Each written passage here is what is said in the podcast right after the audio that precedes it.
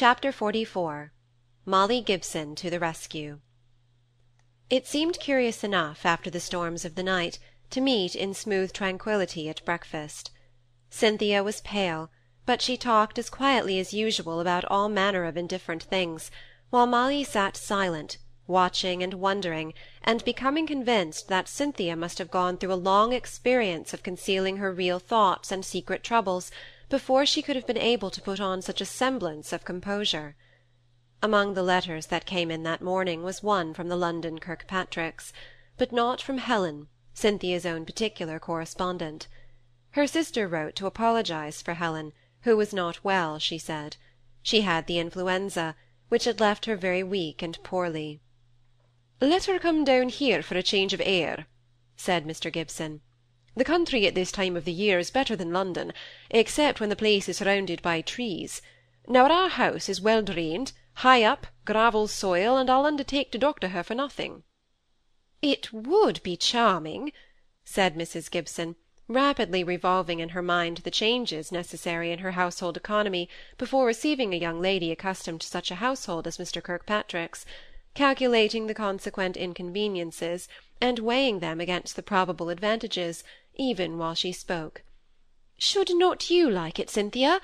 and Molly too? You, then, dear, would become acquainted with one of the girls, and I have no doubt you would be asked back again, which would be so very nice." "And I shouldn't let her go," said Mr. Gibson, who had acquired an unfortunate facility of reading his wife's thoughts. "Dear Helen!" went on Mrs. Gibson. "I should so like to nurse her. We would make your consulting room into her own private sitting room, my dear."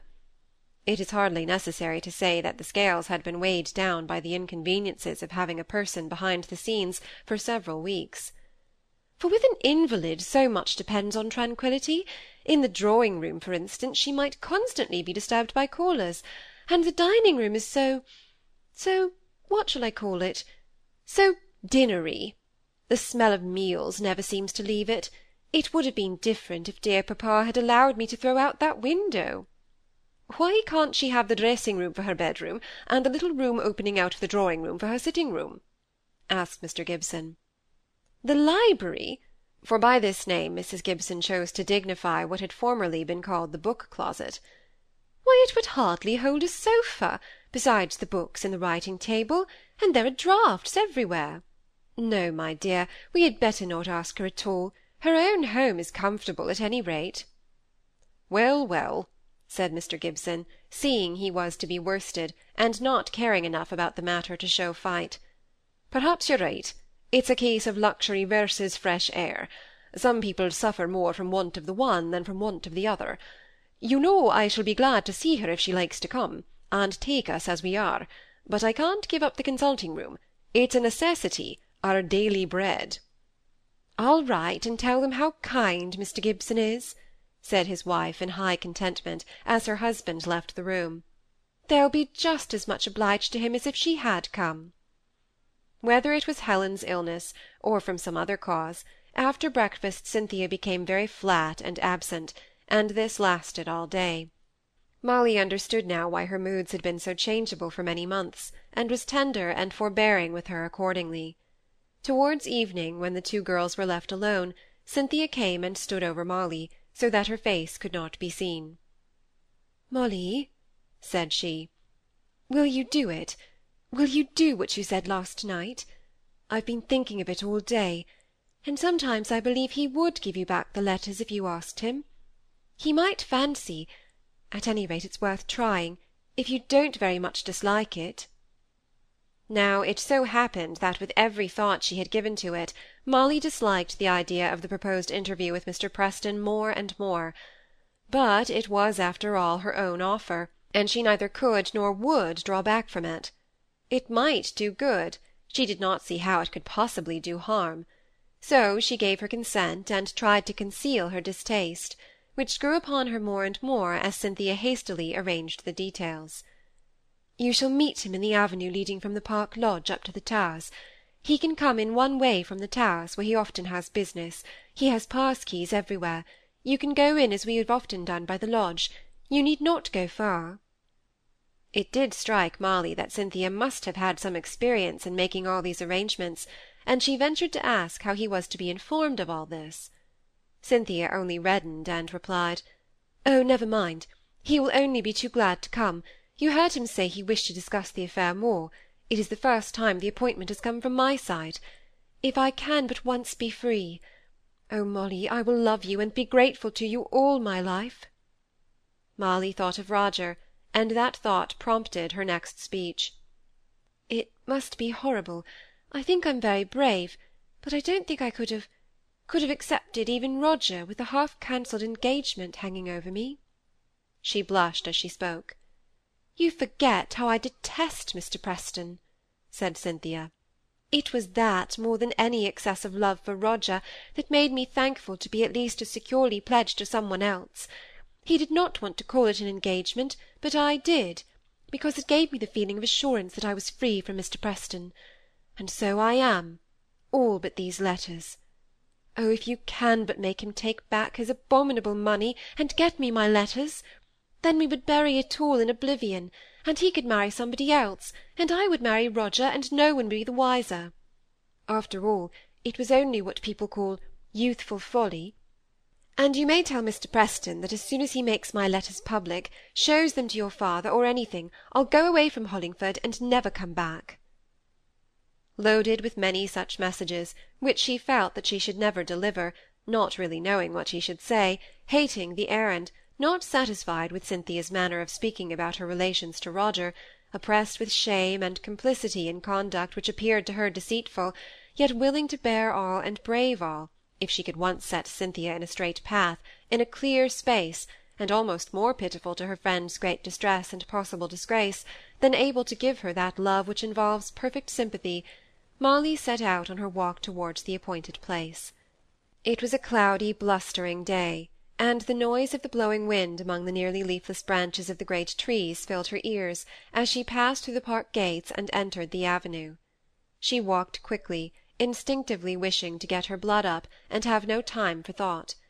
But there was a bend in the avenue about a quarter of a mile from the lodge; after that bend it was a straight line up to the great house, now emptied of its inhabitants.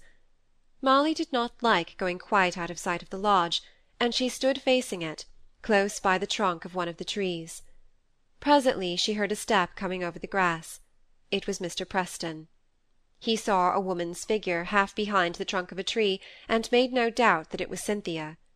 But when he came nearer, almost close, the figure turned round, and instead of the brilliantly coloured face of Cynthia, he met the pale, resolved look of Molly. She did not speak to greet him, but though he felt sure from the general aspect of pallor and timidity that she was afraid of him, her steady grey eyes met his with courageous innocence. "Is Cynthia unable to come?"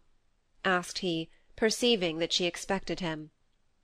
"I did not know that you thought you should meet her," said Molly, a little surprised.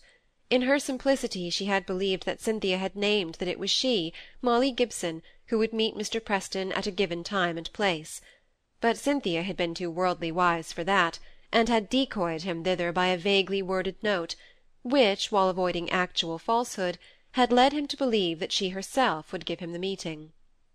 "She said she should be here," said Mr. Preston, extremely annoyed at being entrapped, as he now felt that he had been, into an interview with Miss Gibson. Molly hesitated a little before she spoke. He was determined not to break the silence, as she had intruded herself into the affair, she should find her situation as awkward as possible. "At any rate, she sent me here to meet you," said Molly. "She has told me exactly how matters stand between you and her." "Has she?" sneered he. "She is not always the most open or reliable person in the world." Molly reddened. She perceived the impertinence of the tone, and her temper was none of the coolest but she mastered herself and gained courage by so doing. You should not speak so of the person you profess to wish to have for your wife. But, putting all that aside, you have some letters of hers that she wishes to have back again. I dare say. And that you have no right to keep. No legal or no moral right? Which do you mean? I do not know. Simply you have no right at all as a gentleman to keep a girl's letters when she asks for them back again, much less to hold them over her as a threat. "I see you do know all, Miss Gibson," said he, changing his manner to one of more respect. "At least she has told you her story from her point of view, her side. Now you must hear mine. She promised me as solemnly as ever woman She was not a woman, she was only a girl, barely sixteen." Old enough to know what she was doing; but I'll call her a girl if you like. She promised me solemnly to be my wife, making the one stipulation of secrecy, and a certain period of waiting. She wrote me letters repeating this promise, and confidential enough to prove that she considered herself bound to me by such an implied relation. I don't give in to humbug, I don't set myself up as a saint, and in most ways I can look after my own interests pretty keenly. You know enough of her position as a penniless girl, and at that time, with no influential connections to take the place of wealth, and help me on in the world, it was as sincere and unworldly a passion as ever man felt; she must say so herself. I might have married two or three girls with plenty of money; one of them was handsome enough, and not at all reluctant.